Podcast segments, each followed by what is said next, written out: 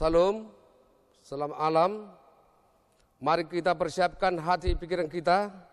Kita mulai pertanyaan Banjar malam ini. Haleluya, terpuja Allah Bapa Tuhan kita, Yesus Kristus. Oleh karena besar kasihnya pada kita, dianugerahkannya bagi kita melalui anaknya itu roh kudus. Dialah roh yang akan menuntun kita berjalan dalam terang kasih Allah. Jiwa akan selalu memuji Engkau ya Allahku, biarlah hidupku dipenuhi oleh rohmu yang penuh kuasa dan keajaiban. Dengan segala kerendahan hati kami datang ke hadapanmu ya Tuhan, untuk bersama-sama memohon agar roh kudusmu hadir di tengah-tengah persekutuan kami pada malam ini. Saudara-saudaraku yang terkasih, marilah terlebih dahulu kita bersatu teduh.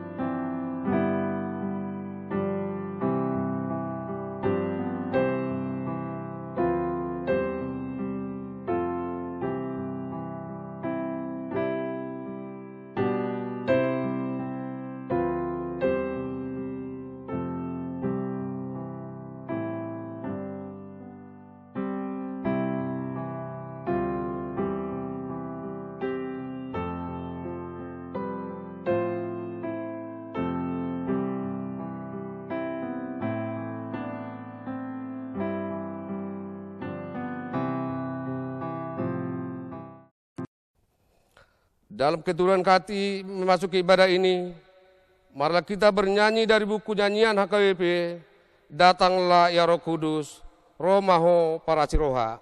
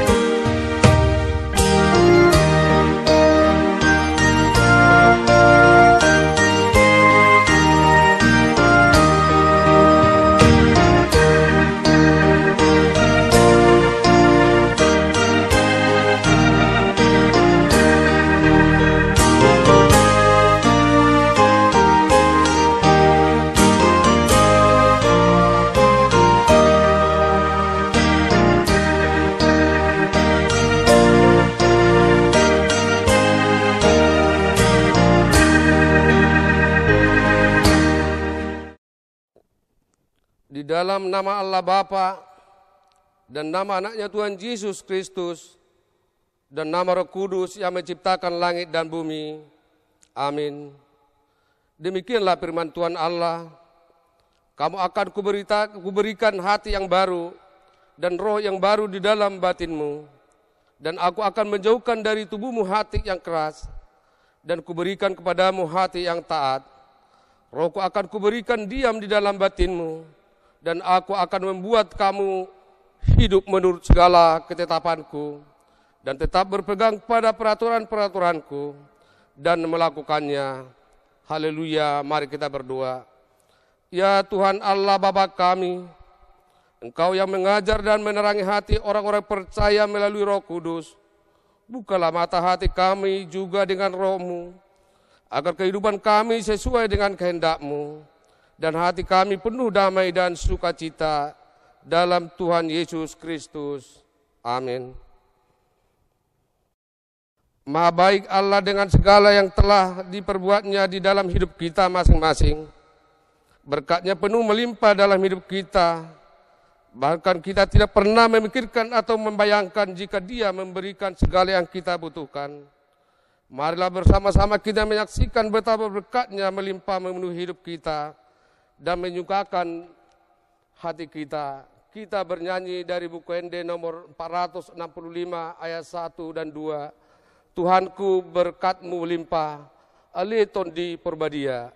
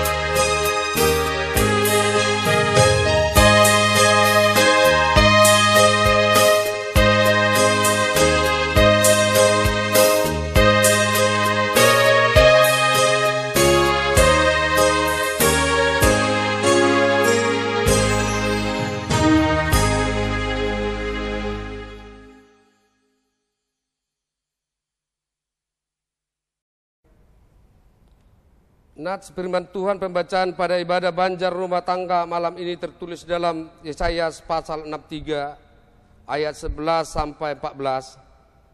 Mari kita membacanya secara responsoria. Lalu teringatlah mereka kepada zaman dahulu kala, zaman Musa hambanya itu, di manakah dia yang membawa mereka naik dari laut bersama-sama dengan pengembala kambing dombanya, di manakah dia yang menaruh kudusnya dalam hati mereka, yang dengan tangan kanannya yang agung menyertai Musa di sebelah kanan, yang membelah air di depan mereka untuk membuat nama abadi baginya.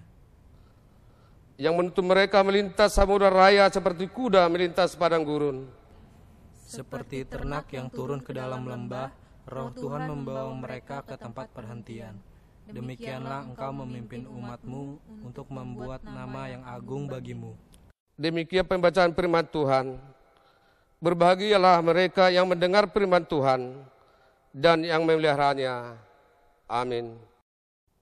Allah telah memberikan kepada kita firman-Nya untuk kita lakukan dalam kehidupan kita.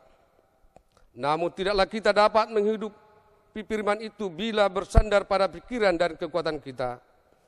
Hanya dengan roh kudusnya saja kita dapat memahami apa yang Tuhan kehendaki untuk kita perbuat. Oleh karena itu, Marilah kita peka mendengarkan suara roh Tuhan berbicara pada kita. Kita bernyanyi dari buku ND nomor 424 ayat 1 2. Suara roh Tuhan, suara ni tondi.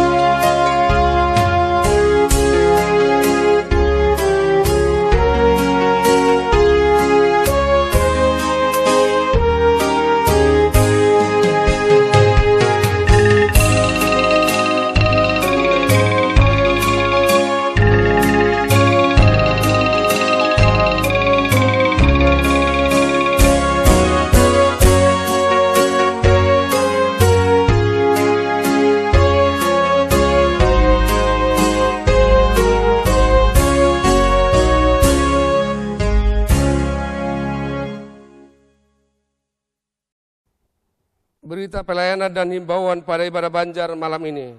Satu, terima kasih dan syukur pada Tuhan atas pernyataan penyertaannya dalam perjalanan hidup kita selama satu minggu ini. Dituntunnya hidup, pekerjaan dan persekutuan kita terutama ibadah malam ini.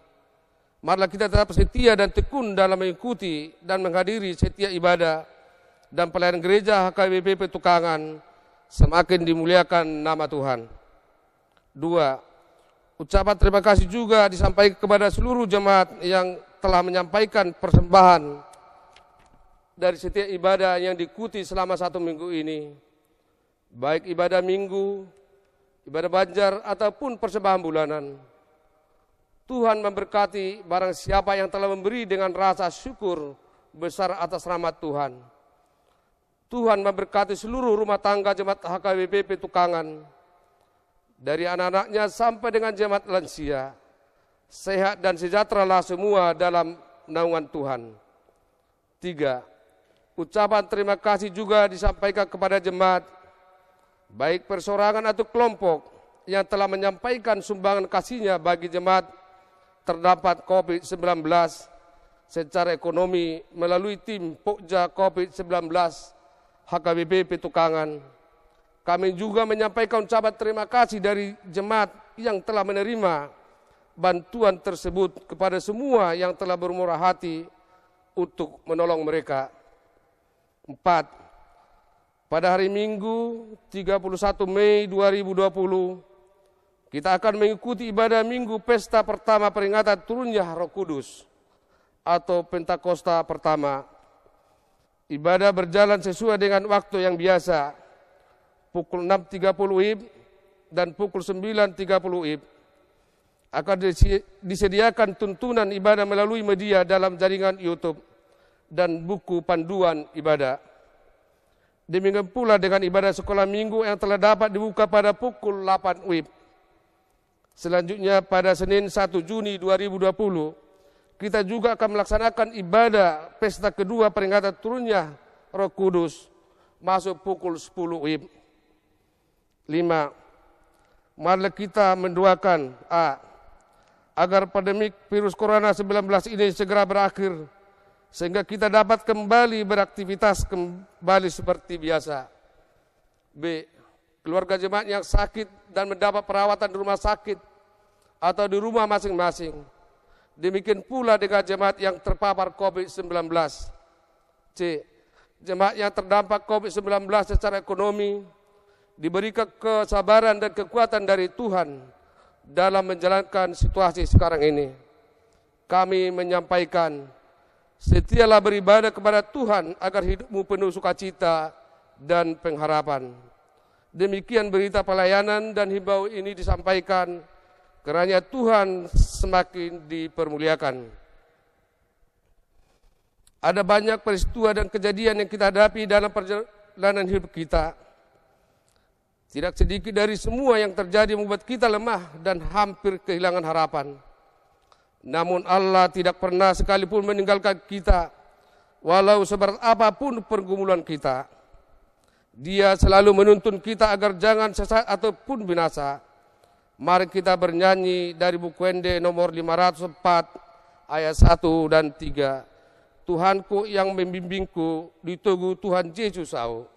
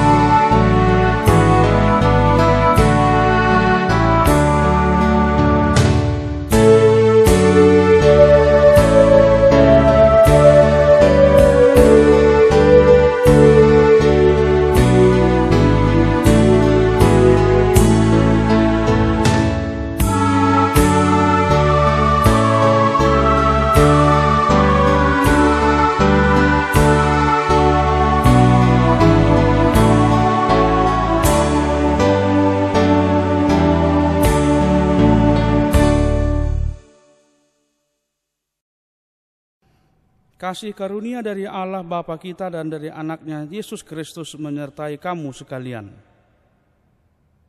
Amin.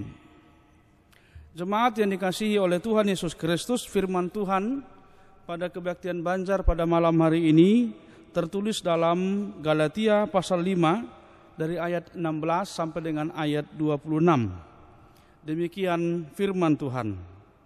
Maksudku ialah hiduplah oleh roh, maka kamu tidak akan menuruti keinginan daging.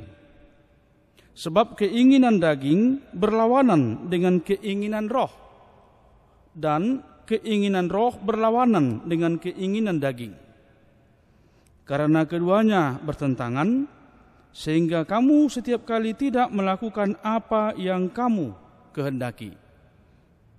Akan tetapi, jikalau kamu memberi dirimu dipimpin oleh roh, maka kamu tidak hidup di bawah hukum Taurat.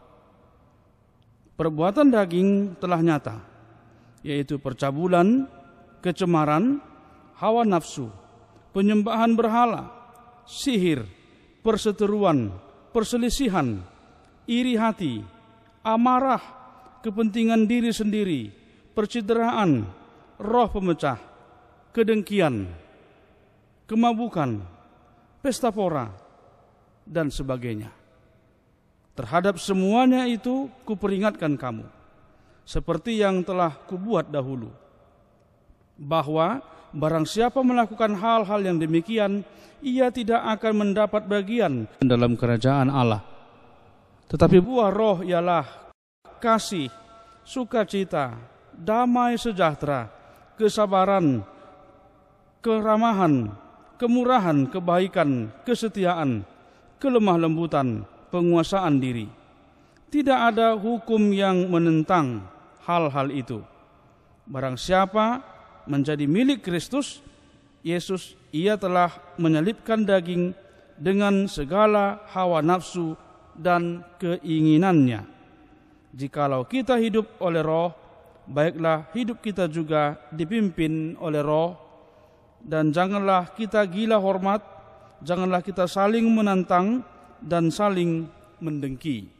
Demikian pembacaan firman Tuhan. Jemaat yang dikasihi oleh Tuhan Yesus Kristus, pada saat kita berangkat menuju ke satu tempat yang baru, kota atau kampung yang baru, hal yang sangat kita butuhkan pada saat itu adalah kerelaan seseorang di kota itu atau di kampung itu untuk menuntun kita. Untuk mengarahkan perjalanan kita ke tempat yang kita tuju. Karena kita belum mengenal wilayah itu. Kita belum terbiasa dengan lingkungan di sekitar kita di tempat yang baru itu. Sudah barang tentu jika ada seorang di antara penduduk yang ada bersedia untuk menuntun kita, kita akan merasa lega. Kita akan bersuka cita. Memang untuk zaman kita sekarang, kita ada aplikasi Google Map. Tapi itu pun terbatas. Terkadang kita masih ragu-ragu untuk mengikuti arahan dari Google Map itu ke tempat tujuan ke mana kita akan pergi. Jangan-jangan sudah terlewat atau mungkin salah arah dan sebagainya. Kita dapat menggambarkan hal yang sedemikian dalam kehidupan atau perjalanan kita di tengah-tengah dunia ini, terkhusus yang berkenaan dengan masalah kerohanian kita. Kita ibarat para peziarah rohani di dunia ini. Kita orang-orang yang telah ditebus, orang-orang yang telah diselamatkan, orang-orang yang ditempatkan di tengah-tengah dunia yang baru, yang asing ini, kita membutuhkan penuntun. Kita membutuhkan yang dapat mengarahkan kita kepada jalan yang benar. Agar kita jangan terlarut dengan keadaan dunia ini. Dengan segala kuasa dan pengaruhnya. Ada yang menyebut kita sebagai, saya katakan tadi, peziarah iman di tengah-tengah dunia ini. Sehingga dalam hal ini hanya satu yang dapat kita harapkan dan andalkan untuk dapat mengarahkan kita menuju ke tempat yang kita tuju yaitu kehidupan kekal melalui tuntunan Allah di dalam Roh Kudusnya. Itu sudah pasti tidak akan menyesatkan kita. Roh Allah pasti akan menuntun kita kepada kebenaran, karena Dia juga adalah roh kebenaran. Kita akan berada di sisi Allah untuk dapat menyusuri setiap jejak langkah perjalanan kita sampai kepada tujuan di mana kita akan merasakan sukacita yang besar. Saudara-saudara yang dikasih oleh Tuhan Yesus Kristus, demikian saya menggambarkan dunia seperti sebuah kampung yang baru sebuah wilayah yang baru di mana kita ditempatkan di sana, kita membutuhkan penuntun, kita membutuhkan penolong untuk dapat mengarahkan kita ke dalam perjalanan kita yang benar dan tidak menyesatkan. Kita sungguh-sungguh membutuhkan tuntunan Allah. Kita sungguh-sungguh membutuhkan tuntunan daripada Roh Kudusnya. Hanya dengan Roh Kudusnya kita akan beroleh tuntunan yang menyenangkan, tuntunan yang membuat kita merasa lega dan nyaman, bahkan berpengharapan sampai di tempat tujuan dengan penuh sukacita di dalam hati kita. Dalam hal ini ada tiga hal yang menjadi perenungan kita berdasarkan nas pada malam hari ini berkenaan dengan topik hidup yang dituntun oleh roh Allah. Yang pertama, bahwa hidup yang dituntun oleh roh kudus adalah hidup yang berdasarkan buah, buah roh. Setiap hari dan waktu kita menghadapi berbagai hal yang dapat membuat hati kita merasa kecewa. Kita berhadapan dengan situasi di mana kita dapat disesatkan. Kita dicobai dengan berbagai hal di tengah-tengah kehidupan kita, baik secara pribadi ataupun keluarga kita. Kita bisa terpengaruh oleh godaan dunia ini. Kita bisa kehilangan jati diri kita oleh karena tawaran bisikan dunia ini yang meninabobokkan hati kita. Sehingga kita menjadi orang-orang yang larut dalam keramaian dunia dan dalam kesombongan dunia dan dalam berbagai hal lainnya yang sudah barang tentu bertentangan dengan apa yang menjadi tuntunan atau kehendak Allah dalam kehidupan kita. Kita akan merasakan kita jauh dari Allah. Jika kita sudah larut dalam keadaan dunia ini, kita akan merasakan kita berada di suatu tempat yang sangat asing, di mana kita tidak ada bersama-sama dengan Allah, karena kita mengikuti keinginan dan hawa nafsu kita. Oleh karena itulah, jemaat yang dikasih oleh Tuhan Yesus Kristus, hidup yang dituntun oleh roh adalah hidup yang berdasarkan buah-buah roh Buah-buah itu berangkat dari karya Allah dalam Roh Kudusnya kepada kita. Sehingga dalam ayat 22 sampai dengan 23 kita membaca ada sembilan buah roh. Kasih, sukacita, damai sejahtera, kesabaran, kemurahan, kebaikan, kesetiaan, kelemah lembutan, dan penguasaan diri. Kesembilan buah inilah yang akan menghantarkan kita kepada kehidupan di mana kita berada dalam tuntunan dan pemeliharaan Allah. Bagaimanakah caranya agar kita dapat membuahkan semua yang baik itu? Adalah dengan membiasakan hidup menurut Roh Kudus. Menjauhkan diri dari segala keinginan daging, segala keinginan hawa nafsu. Paulus dalam suratnya kepada jemaat di Roma orang-orang yang telah ditebus di Roma, ia menekankan bahwasanya mereka jangan mau berkompromi dengan dunia ini. Jangan menjadi serupa dengan dunia ini.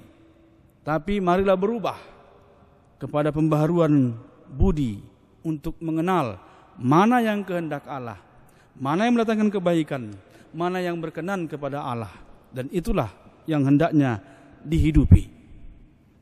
Yang kedua, hidup yang dituntun oleh Roh Kudus adalah hidup yang melakukan segala perbuatan yang baik. Ada banyak alasan kita untuk berbuat baik di tengah-tengah kehidupan kita sehari-hari. Ada orang yang berbuat baik dengan alasan ia ingin memperoleh hati, perhatian seseorang pada dirinya. Dia mencoba untuk mengambil hati dengan berbuat baik kepada orang itu. Ada juga alasan lain yaitu agar mendapat pujian dari orang lain di sekitarnya. Manakala dia berbuat baik, orang akan mengatakan, "Oh, orang ini orang baik." Tapi ada satu alasan lain lagi, orang berbuat baik adalah sebagai wujud ungkapan rasa syukurnya atas apa yang ia telah terima dalam kehidupannya yang dari Allah. Cara untuk mengungkapkan syukur itu, cara untuk menyampaikan terima kasihnya kepada Allah adalah dengan berbuat baik dan kepada semua orang. Perbuatan baik orang-orang yang demikian adalah perbuatan yang tidak pernah jemu-jemu. Adalah perbuatan yang terus-menerus tanpa melihat siapakah orang yang menjadi objek dia berbuat baik. Karena dia merasakan dirinya juga adalah orang-orang yang menerima kemurahan hati Allah. Orang yang mendapat tempat di hati Allah walau ia penuh dengan kekurangan, kelemahan, bahkan dosa. Jemaat yang dikasih oleh Tuhan Yesus Kristus sementara perenungan kita yang ketiga mengatakan hidup yang dituntun oleh roh adalah hidup yang jauh dari kebiasaan kemunafikan. Ada ungkapan dalam bahasa Batak yang mengatakan lamot-lamot hatani begu, risi-risi hatani jolma. Omongannya manis didengar, terkesan baik, tapi holhat. Apa holhat? Holak kata hanya omongnya saja, hanya omong doang, lain di bibir, lain di hati.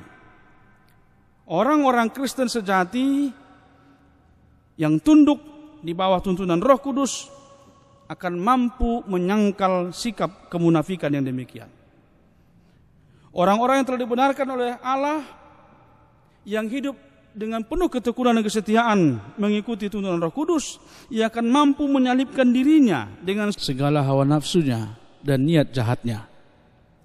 Tidak, tidak ada sedikit pun dalam hati orang yang demikian keinginan untuk gila hormat atau haus akan pujian dan sanjungan orang lain. Bahkan tidak terbersih dalam hatinya untuk saling menantang atau saling mendengki namun saling mendahului dalam memberikan hormat atau menghargai orang-orang di sekitarnya. Jemaat ini kasih oleh Tuhan Yesus Kristus,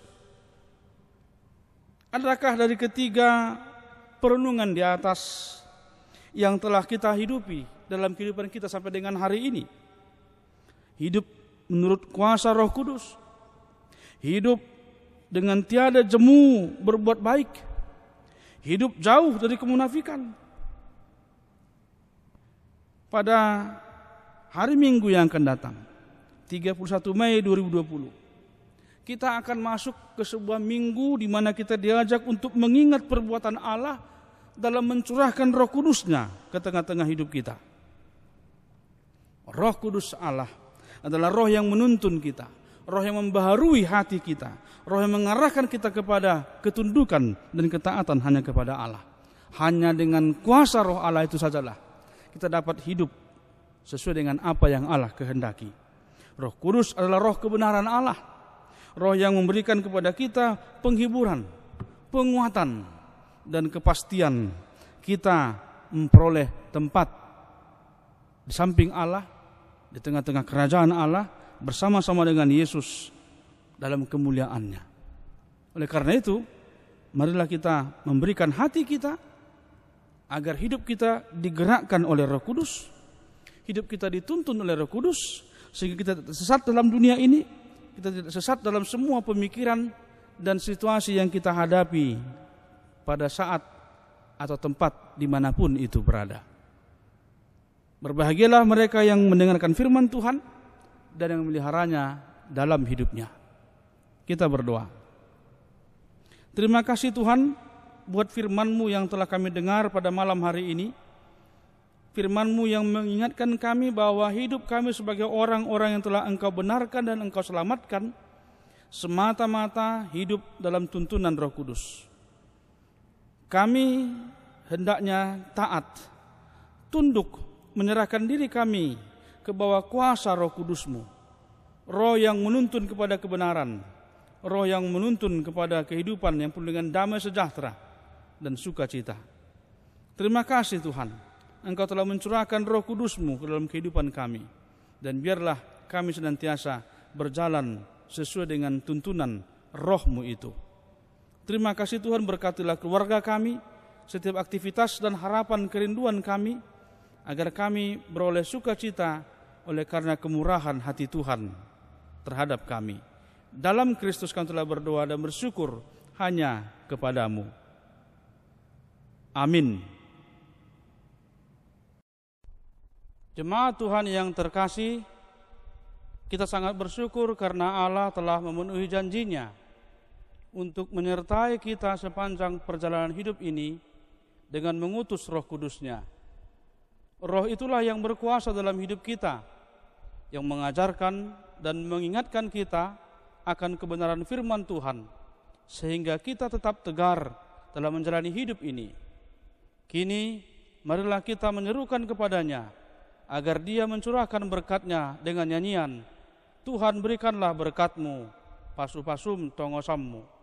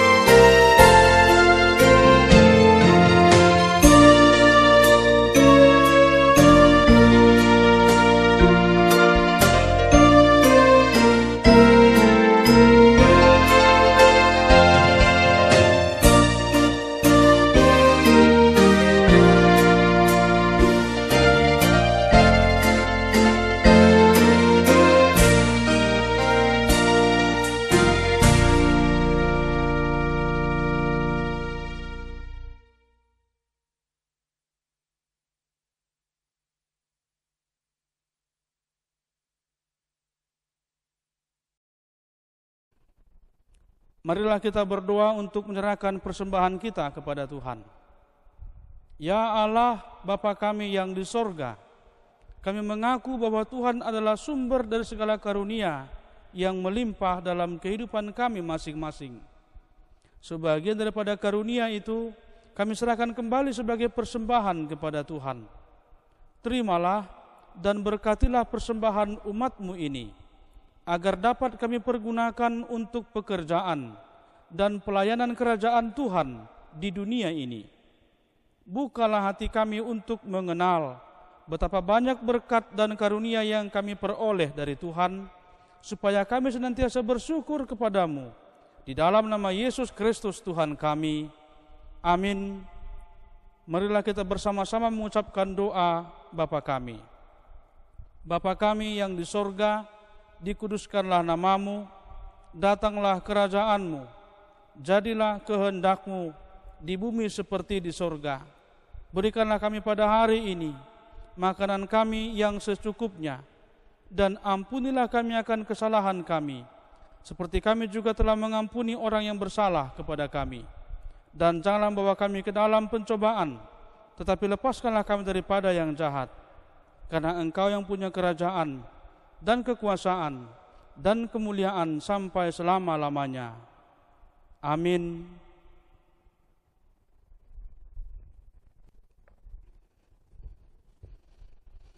Terimalah berkat Tuhan, anugerah Tuhan kita Yesus Kristus, kasih setia Allah Bapa dan persekutuan Roh Kudus menyertai kamu sekalian.